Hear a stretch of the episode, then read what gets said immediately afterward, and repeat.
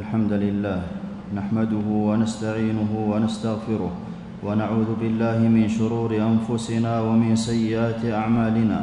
من يهده الله فلا مضل له ومن يضلل فلا هادي له. وأشهد أن لا إله إلا الله وحده لا شريك له. وأشهد أن محمدا عبده ورسوله صلى الله عليه وعلى آله وأصحابه وسلم تسليما كثيرا.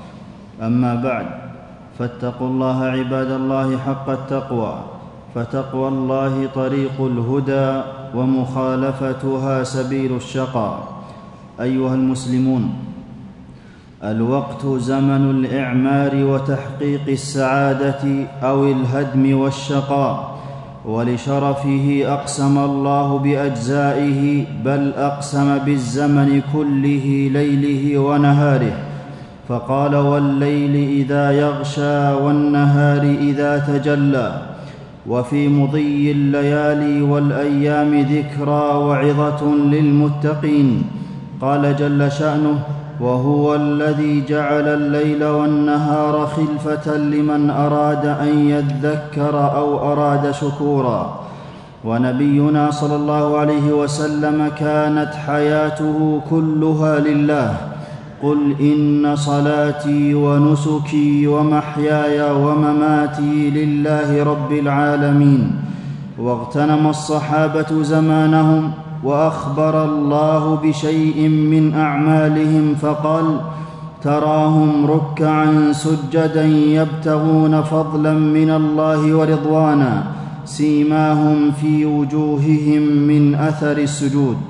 ومن وصايا أبي بكر لعمر رضي الله عنهما إن لله عملا بالنهار لا يقبله بالليل وعملا بالليل لا يقبله بالنهار.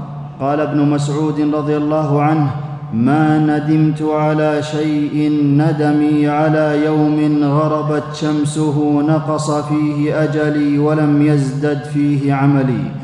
وكان السلف رحمهم الله يغتنمون لحظات أعمارهم فعمروا زمانهم بما يرضي ربهم. قال الحسن البصري رحمه الله أدركت أقواما كانوا على أقوى على أوقاتهم أشد منكم حرصا على دراهمكم ودنانيركم. ولا تزول قدم عبد يوم القيامة حتى يسأل عن عمره فيما أفناه. رواه الترمذي. وطول العمر مع صلاح العمل من من منن الله العظام. قال عليه الصلاة والسلام خير الناس من طال عمره وحسن عمله. رواه الترمذي. والأيام معدودة إن ذهب يوم نقص, عم نقص عمرك وذهاب البعض أمارة على ذهاب الكل والعبد من حين استقرت قدمه في هذه الدار فهو مسافر فيها إلى ربه والرابح من العباد من اغتنم زمانه بما ينفعه والمغبون من فرط فيه. قال عليه الصلاة والسلام نعمتان مغبون فيهما اي يفرط فيهما كثير من الناس الصحة والفراغ. رواه البخاري. قال ابن القيم رحمه الله إضاعة الوقت أشد من الموت لأن إضاعة الوقت تقطع عن الله والدار الآخرة والموت يقطعك عن الدنيا وأهلها. ومن أضاع وقته تحسر على كل لحظة منه ومن مضى عليه يوم من عمره من غير حق أداه ومن غير فرض قضاه أو علم علمه فقد أو علم علمه فقد عق يومه وضيع عمره. والحاذق من يشغل وقته بما يرضي ربه وإذا فرغ من عمل قام بآخر. قال سبحانه فإذا فرغت فانصب. قال ابن كثير رحمه الله أي إذا فرغت من أمور الدنيا وأشغالها وقطعت قال علائقها فانصب إلى العبادة وقم إليها نشيطا فارغ البال وأخلص لربك النية والرغبة. وأفضل عبادة تقام إفراد الله بالتوحيد وأداء أركان الإسلام على التمام ومن خير ما تعمر به الأوقات وترفع به الدرجات حفظ كتاب الله العظيم ومراجعته وتدبره فهو كنز ثمين وتجارة رابحة قال عليه الصلاة والسلام أفلا يغدو أحدكم إلى المسجد فيعلم أو يقرأ آيتين من كتاب الله خير له من ناقتين وثلاث خير له من ثلاث وأربع خير له من أربع ومن أعدادهن من الإبل. رواه مسلم. ومن نال حفظ كتاب الله شرف ومن تلاه عز. ومن قرب منه عظم. ومنزلة العبد في الجنة عند آخر آية يرتلها منه. وفي زمن الفتن وانفتاح أبواب الشبهات والشهوات يكون الاعتصام بكتاب الله ألزم والقرب منه أوجب. والتزود من العلم الشرعي بحضور مجالس العلماء وحفظ الأحاديث النبوية ومختصرات في العلوم الشرعية رسوخ في العلم ورفعة للمسلم. قال سبحانه يرفع الله الذين آمنوا منكم والذين أوتوا العلم درجات. قال الإمام مالك رحمه الله أفضل ما تطوع به العلم وتعليمه. وبالعلم تشرق سيرة المرء ويبقى ذكره وإن فقد. والدعوة إلى هذا الدين ونشره بالحكمة سبيل المرسلين والصالحين. قل هذه سبيلي أدعو إلى الله على بصيرة أنا ومن اتبعني. وهو باب الخير والبركات. فلأن يهدي الله بك رجلا واحدا خير لك من حمر النعم. متفق عليه. وبر الوالدين طاعة وسعادة والقرب منهما أنس وتوفيق. قال سبحانه عن عيسى عليه السلام وبرا بوالدتي ولم يجعلني جبارا شقيا. قال ابن كثير رحمه الله من بر بوالديه كان متواضعا سعيدا والابن الفطن يسعد بالإجازة لمزيد البر بوالديه وإدخال السرور عليهما وصحبتهما ومما يفرحهما استقامة ولدهما على الدين ومن برهما زيارة صديقهما وإكرامهما من بعدهما. قال عليه الصلاة والسلام أبر البر أن يصل الرجل ود أبيه. رواه مسلم. وصلة الرحم ترضي الرحمن وتطيل العمر وتزيد في المال وتبارك في الوقت وتقرب ما بين النفوس وتظهر مكارم الأخلاق وتبدي جميل المروءات. قال عليه الصلاة والسلام من أحب أن يبسط له في رزقه وينسا له في أثره فليصل رحمه. متفق عليه. وزيارة أهل العلم والصالحين تهذب النفوس وتسمو بالروح وتعلي الهمم وتصلح الحال وتذكر بالآخرة وينال بها الزائر معرفة وعلما. فهم ورثة الأنبياء ودعاة الهدى والتنافس في الخير والتقوى من صفات أهل الجنة. قال سبحانه وفي ذلك فليتنافس المتنافسون. قال الحسن البصري رحمه الله إذا رأيت الناس في خير فنافسهم فيه والصحبة الصالحة خير معين على العمل الصالح. تدفع إلى البر وتغلق أبواب الشر وتحث على الطاعة والمتحابون بجلال الله على منابر من نور يغبطهم النبيون والشهداء. ورفيق السوء يدعو إلى الشر ويصد عن الخير. صحبته حسرة ورفقته ندامة.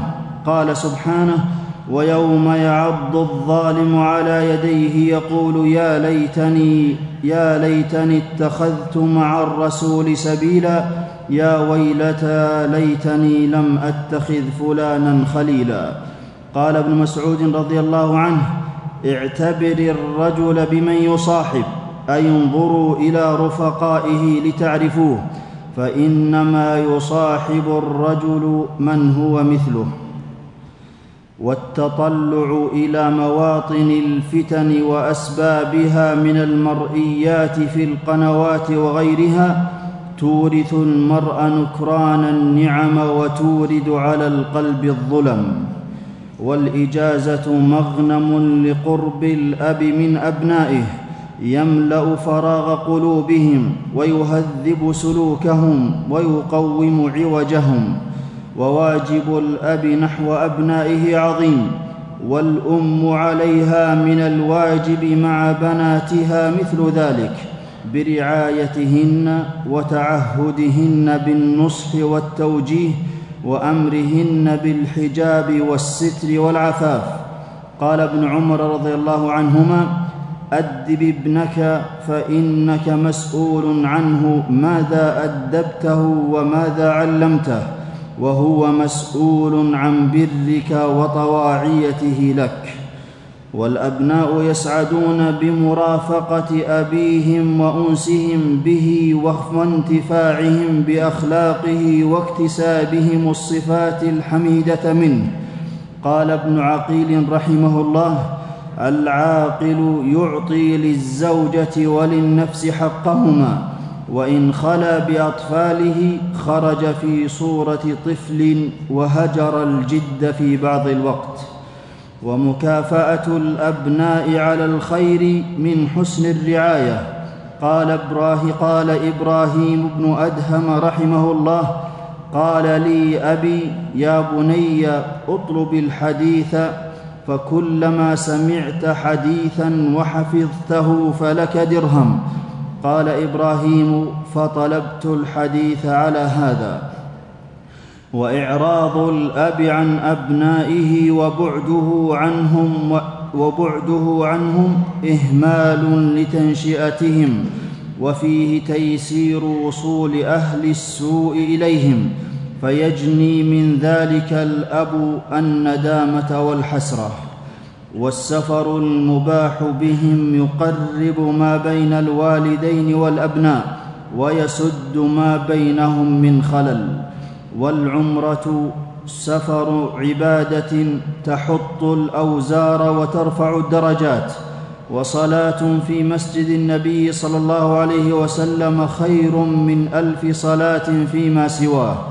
والسفر المحرم إهدار للمال وعرضة للفتن وسبب كثير من الشبهات والشهوات. ويعود المرء من سفره أسوأ حالا مما كان قبله. وفي الإجازة تبنى أسر بالزواج. ومن شكر تلك النعمة ودوامها ألا يصحب وليمتها محرم وأن يكون زواجا لا معصية فيه. والله بارك لهذه الأمة في بكورها وجعل الليل سكنا والنهار معاشا. ومن هديه صلى الله عليه وسلم النوم أول الليل والصلاة آخره. قال أبو برزة رضي الله عنه كان النبي صلى الله عليه وسلم يكره النوم قبل العشاء والحديث بعدها متفق عليه. وإذا كان السهر وسيلة إلى التخلف عن صلاة الفجر مع الجماعة كان محرما. والمسلم يراقب ربه في أحواله وأزمانه. ويوقن بأن الله يرى أفعاله ويسمع كلامه ويعلم ما يكن فؤاده. قال سبحانه ولا تعملون من عمل إلا كنا عليكم شهودا إذ تفيضون فيه وأفضل الإيمان أن تعلم أن الله معك. ومن وصايا النبي صلى الله عليه وسلم اتق الله حيثما كنت رواه الترمذي. والله يغار إذا انتهكت حدوده في سفر أو حضر.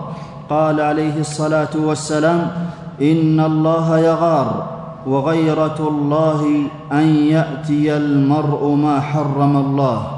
متفق عليه. وبعد أيها المسلمون فالمؤمن يبتعد عن الخطيئات ويتزود من الصالحات ويغتنم أوقاته فيما شرعه الله. ولئن كان العمل مجهدة فإن الفراغ مفسدة. ونفسك إن لم تشغلها بالحق شغلتك بالباطل. والمرء ممتحن في رخائه وسرائه وعافيته وبلائه في حله وترحاله. والموفق من جعل التقوى مطيته وسارع إلى جنة ربه. أعوذ بالله من الشيطان الرجيم. من عمل صالحا فلنفسه ومن أساء فعليها. وما ربك بظلام للعبيد. بارك الله لي ولكم في القرآن العظيم. ونفعني الله وإياكم بما فيه من الآيات والذكر الحكيم. أقول ما تسمعون. وأستغفر الله لي ولكم ولجميع المسلمين من كل ذنب فاستغفروه إنه هو الغفور الرحيم.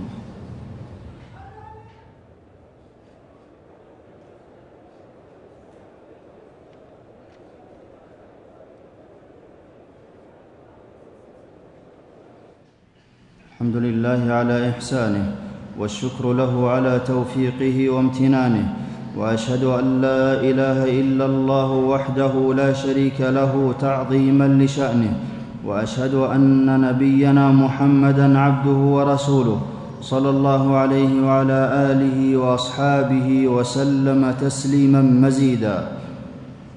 أيها المسلمون أمد الدنيا قصير ومتاعها زائل حقير. فلا تتعلق منها إلا بما يقضي به الغريب حاجته في غير موطنه ولا تشتغل فيها إلا بما يشتغل به المسافر الذي أعد العدة للرجوع إلى أهله. والمؤمن بين مخافتين بين ذنب قد مضى لا يدري ما الله صانع فيه. وبين أجل قد دنا لا يعلم ما هو صائر إليه والعاقل يتعبد ربه في أزمان فراغه. وكان النبي صلى الله عليه وسلم يكثر الصيام في شعبان ولم يصح عن النبي صلى الله عليه وسلم في شعبان سوى الصيام.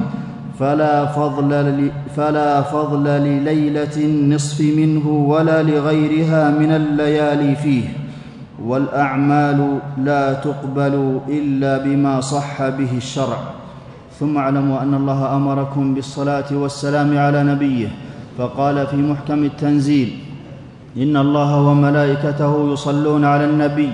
يا أيها الذين آمنوا صلوا عليه وسلموا تسليما. اللهم صل وسلم وزد وبارك على نبينا محمد وارض اللهم عن خلفائه الراشدين الذين قضوا بالحق وبه كانوا يعدلون أبي بكر وعمر وعثمان وعلي وعن سائر الصحابة أجمعين وعنا معهم بجودك وكرمك يا أكرم الأكرمين. اللهم اعز الإسلام والمسلمين وأذل الشرك والمشركين ودمر أعداء الدين واجعل اللهم هذا البلد آمنا مطمئنا رخاء وسائر بلاد المسلمين اللهم إنا نسألك التوفيق والسعادة في الدنيا والآخرة اللهم ألهمنا الصواب ووفقنا للحق وجنبنا الفتن واجعلنا من خلص عبادك ومن أوليائك يا ذا الجلال والإكرام. اللهم أصلح أحوال المسلمين في كل مكان. اللهم احقن دماءهم واجمع كلمتهم على الحق والهدى والتقوى يا قوي يا عزيز. اللهم ول عليهم خيارهم يا ذا الجلال والإكرام. اللهم وفق إمامنا لهداك واجعل عمله في رضاك. ووفق جميع ولاة أمور المسلمين للعمل بكتابك وتحكيم شرعك يا ذا الجلال والإكرام.